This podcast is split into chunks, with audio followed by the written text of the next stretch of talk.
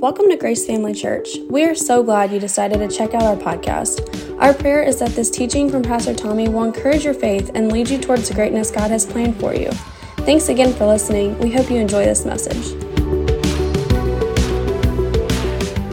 In this series entitled Refreshed, um, really, um, you know, this is a product of me spending some time in worship and, and, and prayer and, and just seeking God for direction for our church and what He really would want to speak to us as a body of believers. And in doing so, the Lord led me to a particular portion of Scripture here in Acts chapter 3. And so we'll read that.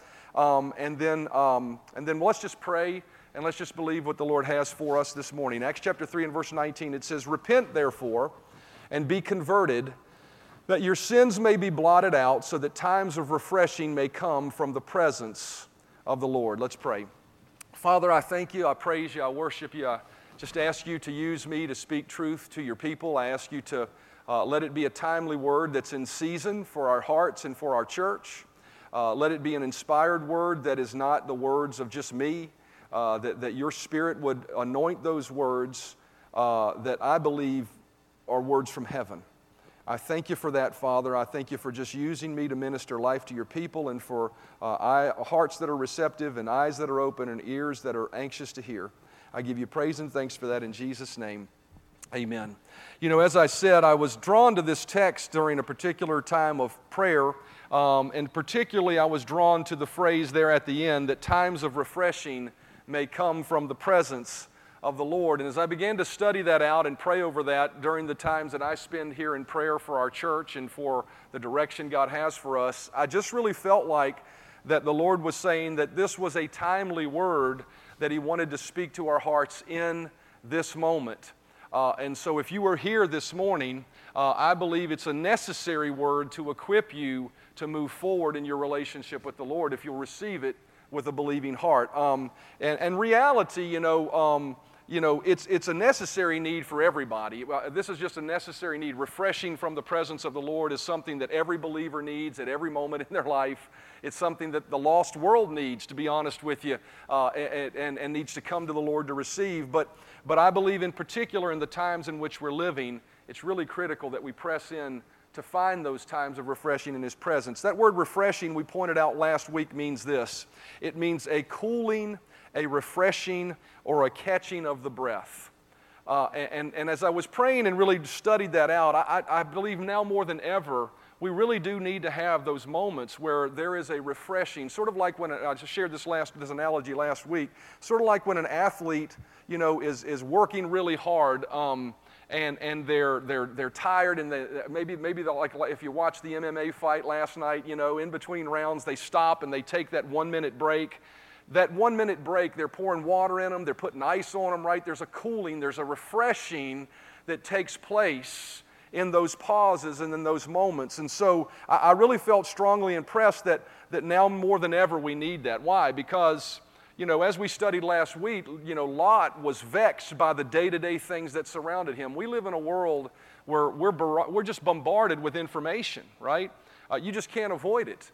Uh, we're, bombarded, we're bombarded with information that's news of wars and rumors of wars and political fights and, and financial things. And we're just constantly bombarded by those things. Not to mention, we're bombarded uh, on every side by imagery and things that, that really are probably not. Uh, not probably, they're most certainly not um, godly things that, that our minds have to fight off and stand against. And, and as, a, as a believer, you know, that, that taxing can become very, very difficult for us. It can become very, um, uh, we can become, even though we're standing strong and we believe we're overcomers, it can wear on you. And as we pointed out last week, that's what happened with Lot. And so we pointed out that it's really necessary in this day and age, especially where the barrage of information is coming up from, uh, to us, where we have a moment where we stop and we're refreshed. Uh, moments where we come into God's presence and experience that. The early church did this you know, if, if they did it 2,000 years ago, more so than ever, we're closer to the return of Jesus uh, than we need to as well. Acts chapter 4 and verse 23 and 24 says, And being let go, speaking of the disciples, they went to their own company. Everybody say their own company. Look around yourself. This is your company, right? You know, I think it's interesting many times in life, I didn't plan on sharing this, but many times in life, this, these are our acquaintances that we see on Sunday morning, but it may not be our company. But this is our company. This, these are the people we should be spending time with. And so, and so, as a church, we're making time to do that on Wednesday nights in worship, but that's what they did here. It says, in being let, let go, they went to their own company and lifted up their voice with, to God with one accord and said, Lord, thou art God, that which hast made heaven and earth, and the sea and all that in them is. And when they had prayed, the place was shaken where they were assembled together, and they were all filled with the Holy Ghost. So they had a dedicated moment where they came together different than a normal, because you know, the Bible, if you read through the book of Acts, you know, not only did they come and do this, but it also says they broke bread from house to house. It also says that they were in the temple uh, being taught the Word of God on a regular basis. Uh, Paul, you know, and, and, Tim, and uh, Paul and Peter and James, they all wrote their epistles to teach people, right? So that took place. But this particular occurrence was a little bit different. It was where they came together to seek the presence of God. And if you read the context of what they said there, they were worshiping Him. And in the midst of doing that, uh, the, the Spirit of God was poured out upon them, and they were filled with the Holy Spirit. There was a definitive corporate moment where God just dumped himself, and there was a refreshing that took place in the lives of everyone around them. Now, if they did that in the early church, then I believe it's something we should be doing on a regular basis as a church as well. So, how do we experience those times of refreshing? Well, we go back to Acts chapter 3, our opening text. It tells us real simply hell. It says, Repent therefore and be converted. Everybody say, Repent. Everybody say, Be converted. It's real simple. The way that you experience times of refreshing in the presence of the Lord is to repent and be converted. Now, we pointed out last week that repent sometimes comes with a negative connotation because we think about some, you know, bony fingered preacher standing behind a pulpit pointing the finger at somebody saying to repent, you old nasty sinner, right? That's what we, that we associate repent with that. But, and repent does mean to turn from sin, as well. that's one of, the, one of the applications of it. But in the truest sense of the word, the word repent means really simply this to turn away from something. You know, so we make a purposeful choice when he says to repent so that times of refreshing can come from the presence of the Lord. We make a purposeful, purposeful choice to turn away from our normal day to day activity. That's what they did in Acts chapter 4, right? They were out about doing thing in the marketplace, doing what they needed to do, right? But then they decided, you know what, I need a moment to get away. So they turned from what they were doing and they entered into the presence of the Lord and began to seek Him and worship Him for who He was. And so that's what we see happen. They turned away from the day to day course of events, number one. Number two, they turned away from sin if necessary. How many of you realize, you know, you may not realize it, but as you're walking through life, there are things you pick up that you may not realize, and you have a moment where you're in God's presence, you're like, oh, I've let that slip a little bit, right? They turn away from sin if necessary. We turn away from our day to day focus. We turn uh, from the things that our hearts have gradually gravitated towards to trust in. How many of you realize sometimes as you're living life, you know, you begin to look at that natural thing in your life as your source. You begin to look at that natural thing as your sustenance. That's where I'm going to get my refreshing. It may be a paycheck, it may be a job, it may be a hobby, it may, I just got to get away, right? It may be a vacation, it may be any of those things, but we begin to look to those things as the things for refreshing. And we also turn away from the problems that we face in life that seem to sometimes loom so large that they appear to be bigger than God Himself in our own perspective. And so, repenting is taking a moment to turn away from all of that stuff, to turn away from it, to repent to change. Now, as I thought about that this week, I thought about really what that means. You know, um, how many of you ever used a, a map, a, an application on your phone, a map app to, to get somewhere? How many of you ever done that? And, and, if it's a long trip, how many of you have been driving along and you think, you know, I need to stop and get some gas or I need to like to stop and get something to eat? And so you look up on your phone something to eat, right? And you find an address and you actually hit that thing, and all of a sudden your map app says, Would you like to add another stop to your journey. How many of you ever had that happen before, right?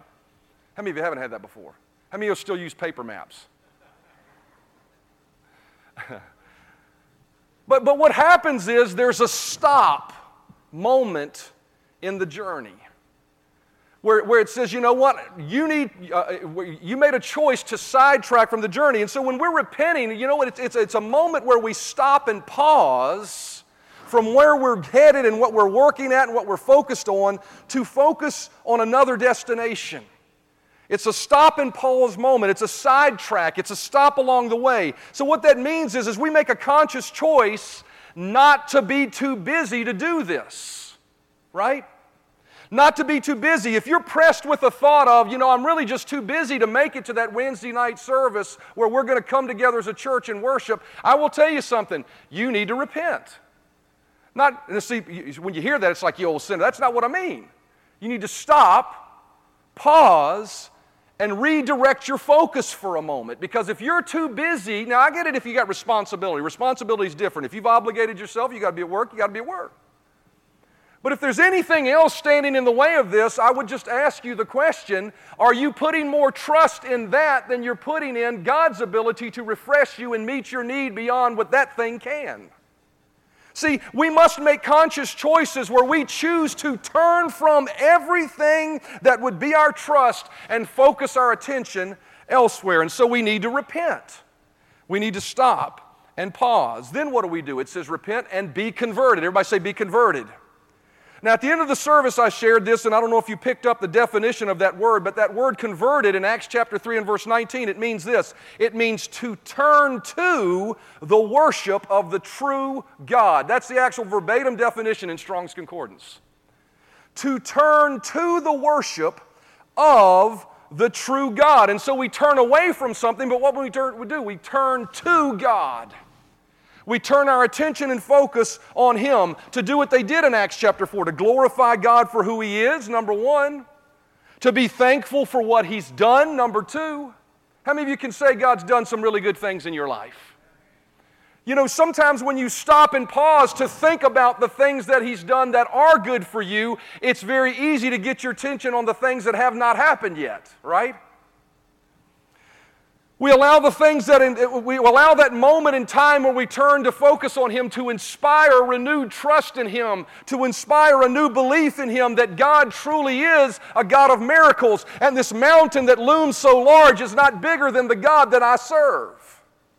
See, it's one thing to say that in the heat of the moment when you're rushing and you're going through and you just say it to try to hold on to your faith, but it's another thing entirely to get into the presence of God and worship Him for that and for it to become a real and alive on the inside of you again, where you look at that mountain all of a sudden and it's not as big as it looked like it was. Why? Because your God is bigger. It's a moment where we take a chance, uh, take, a, uh, take an opportunity to renew our faith again that a mountain will or has been moved based on what we've been believing. It's a moment to become more like Abraham and less like Lot. Everybody say Abraham and Lot. You know, we talked about Lot last week, and we said Lot, you know, he was vexed in his soul because of the day to day stuff that was going on around him.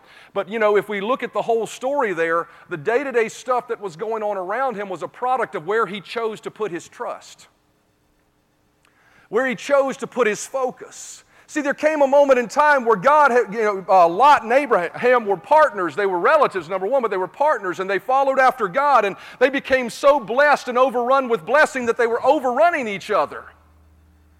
That number one tells us that God wants to bless us, right, when we follow Him. But they were so blessed, they were overrun with each other, and, they, and his, their, their kin, their, it says their kinsmen and their workers began to fight with each other. And so Abraham came and said, Look, we're brothers, man, we're family. We don't need to be fighting. What do you want to do here? You know, we got all this land. How do you want to do this? And then in Genesis chapter 13, we find what Lot does that produces this moment of vexation in his life. Genesis chapter 13, verse 10 says, And Lot lifted up his eyes and saw all the plain of Jordan, that it was well watered everywhere before the Lord destroyed Sodom and Gomorrah, like the garden of the Lord, like the land of Egypt as, as you go toward Zoar. Then Lot, notice this, then Lot chose for himself all the plain of Jordan, and Lot journeyed east, and they separated from each, each other. Abraham dwelt in the land of Canaan, and Lot, notice this, dwelt in the cities of the plain and pitched his tent even as far as Sodom. And we know the story of Sodom and Gomorrah, right? It was just a morally corrupt uh, uh, city. But the men of Sodom were exceedingly wicked and sinful against the Lord. And so Lot looked around and he said, Look, here's a natural resource that looks like it's going to meet my needs, so I'm going to put my trust in that. What Lot should have done was said, Lord, God, man, we made a choice to follow Jesus and fo- well, follow God together. I'm not, I'm not going to leave you. I'm not going to forsake you, like sort of Naomi, Naomi did, right? I'm not going to leave you. I'm not forsake you. I'm going I'm to tell my men to get it right or get lost. We're going to dwell together in harmony. See, God's not a God of division. God's not a God of separation. He's a God of bringing together. God, in that moment, God didn't want to separate them from each other. God wanted to bring them together. But He made a choice that said, you know what? I think this would be better for me. And it was a natural thing, it wasn't a spiritual choice. And because of that, He experienced vexation. We can often do this in our life. We can fixate on natural things and they become the thing that is our, uh, our getaway, the thing that we think is our spiritual and soulish refreshing. For some of us, it could be a movie. For some of us, it could be, you know, I talked about it last week. It could be spending hours upon end scrolling upon a social media type. For some of us, it could be a hobby like playing golf. For some of us, it could be vacation. For others, it could be more detrimental stuff like vices or habits that we've developed to, to, uh, uh, uh to, to help ease the pain of what we're dealing with, looking for relief, just like Lot did. But the problem with all those things is they're just a mirage of misplaced trust. They cannot satisfy like the presence of God can. Abraham, on the other hand, chose to only put his trust and hope in God. Just a chapter later, you know, Lot living in Sodom gets himself in trouble. All of his men get captured by all these different evil Sodom, the evil kings of Sodom and Gomorrah. And Abraham's faced with, I got to go rescue my relative. How many of you got some of those relatives? You know the one thing Abraham didn't do? He didn't complain about those relatives. He went and saved them. He went and helped them. Genesis chapter 14, verse 18 says, Then Melchizedek, king of Salem, after he went and saved him, he, you know, he just routed the kings of Sodom and Gomorrah, and he actually took all their spoils and their people, and he was coming back from the battle. And it says, Then Melchizedek, the king of Salem, who was Melchizedek, the king of Salem? Many people say that's an Old Testament manifestation of who Jesus was, because he's called priest of the Most High God.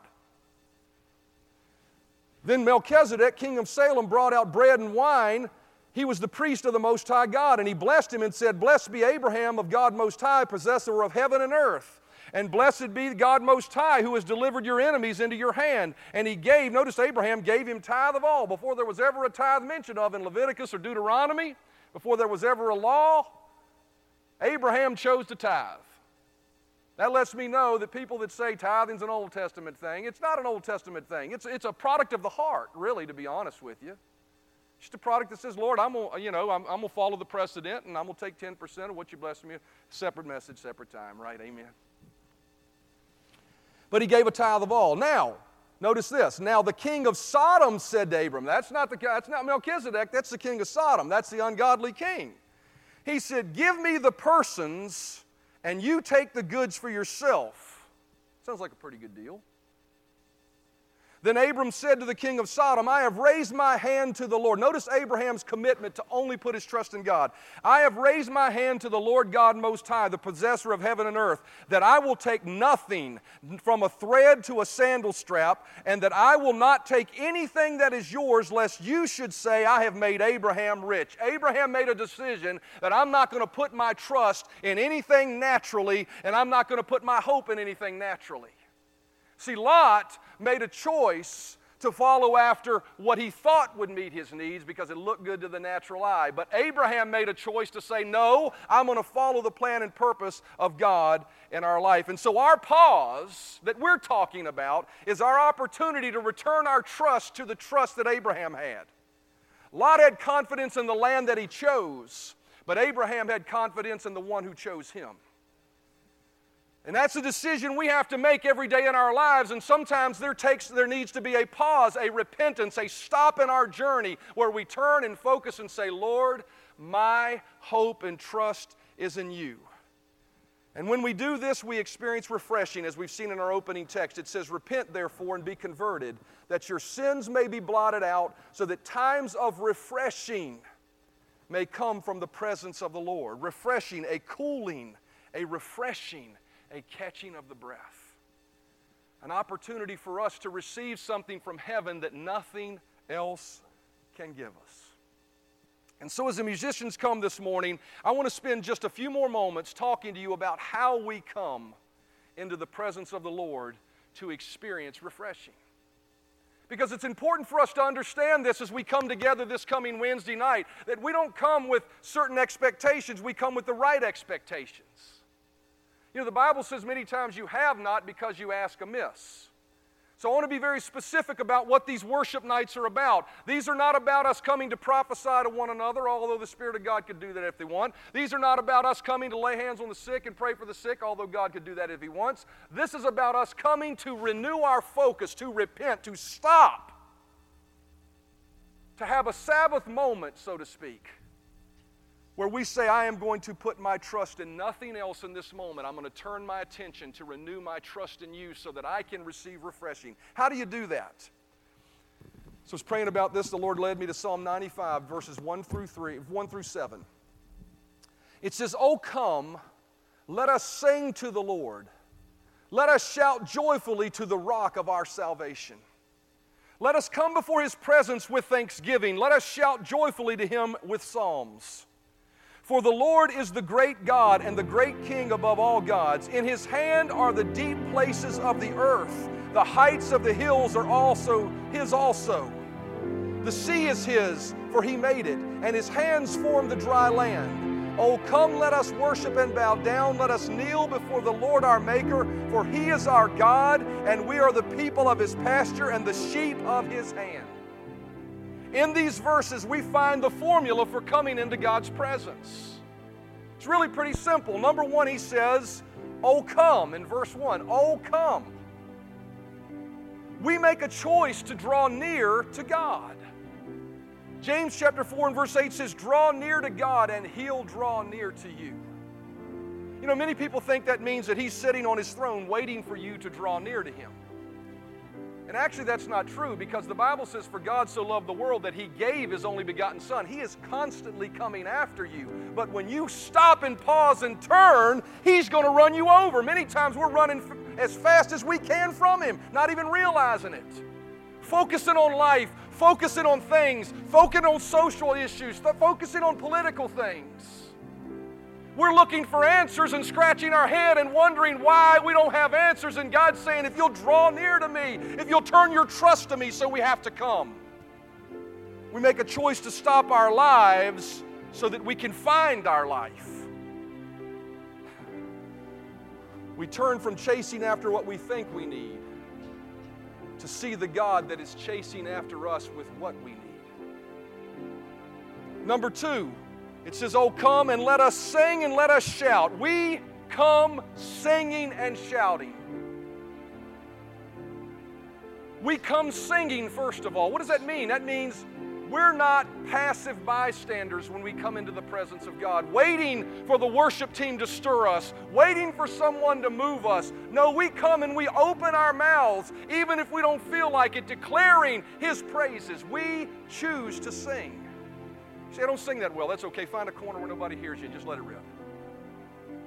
Sing from the bottom of your heart. Sing. It says sing and shout. Everybody say shout.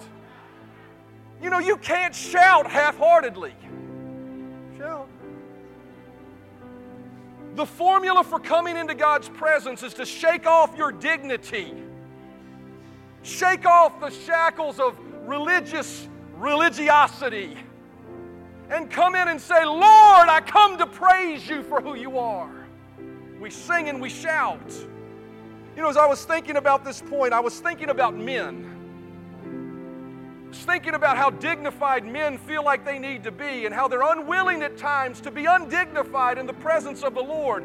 We need men that will come in here and shout on Wednesday night for a God who is so good to them. Say that's uncharacteristic for me. Then it should become characteristic for you. I'm not saying you need to be the most demonstrative, but I'm saying you got to at least open your mouth. We come singing and we come shouting with all of our hearts, no half efforts. Not too proud to clap or lift our hands or doubt or dance or sing or shout or kneel. Vulnerable to the God in whom we're turning to because we need Him so much. And our singing and shouting should be a declaration of two things. Everybody say singing and shouting, not whining and complaining. See, a lot of people, when they come into their God's presence, they're not coming singing and shouting, they're coming whining and complaining. Talking about all their problems, talking about all their troubles. Listen, God, can, how many of you know Jesus said God already knows what you're dealing with? Doesn't mean you can't come to God and find compassion and help in a time of need, but I got to tell you, we should be coming shouting and rejoicing because of what He said, not because of what we're experiencing. We come declaring and shouting, first of all, what? Thanksgiving for all He's done. You want to have a moment of pause and refreshing? Stop thinking about all the crap. And I'm sorry to use that language, but that's what it is in life crap. Stop thinking about all of that.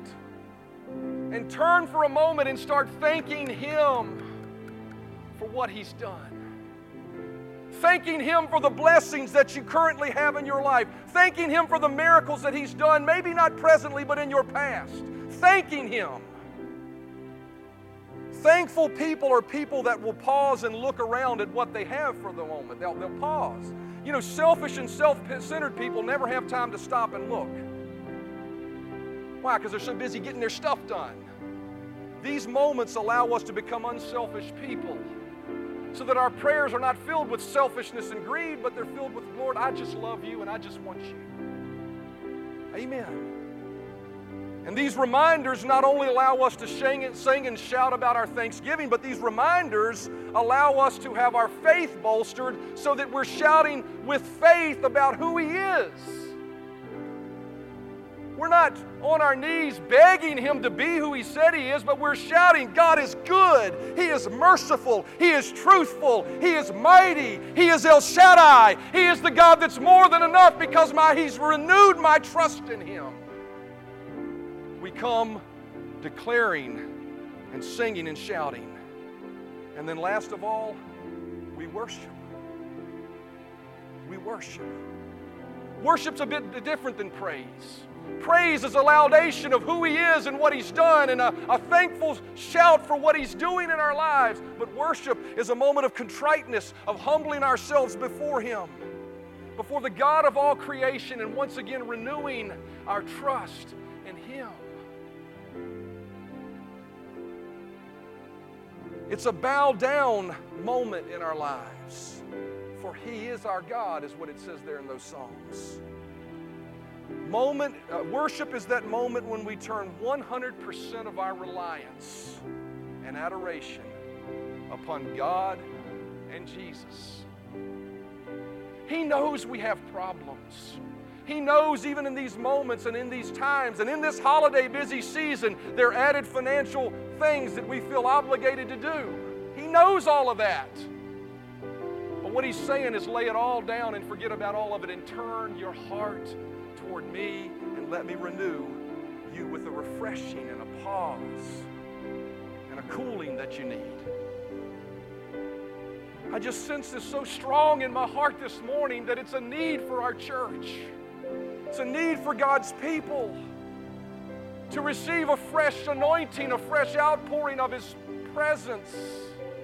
And it only comes by us coming. I'll close with this. Acts 3:19 says, "Repent therefore and be converted." That your sins may be blotted out, so that times of refreshing may come from the presence of the Lord. So we're coming Wednesday night to do that, but as I said last week, we don't have to wait till Wednesday. We can have a port, we can do some of that now. So before we do that, though, every head bowed and every eye closed and no one looking around, if you happen to be here this morning, you've never made Jesus Christ the Lord of your life, you don't know for sure that if you died in this moment, you would go to heaven you can know. You can be sure of that. Jesus died on a cross and shed his blood to forgive your sins so that no obstacle stands between you and God. And all that's required, all that's required, it's not being a good person, it's not coming to church, it's not even being baptized, although those are good things. It's simply saying, Jesus, I received the free gift of salvation and I accept you as my Lord and Savior. I believe you rose from the dead. Come live in my heart. Thanks for listening to our Grace Family Church podcast. We really hope you enjoyed this message. If this ministry has blessed you in any way, we would love for you to get connected. Just go to gfcva.info to learn more about who we are, how to give to this ministry, or how you can get involved. Thanks again for listening, and we hope to see you soon.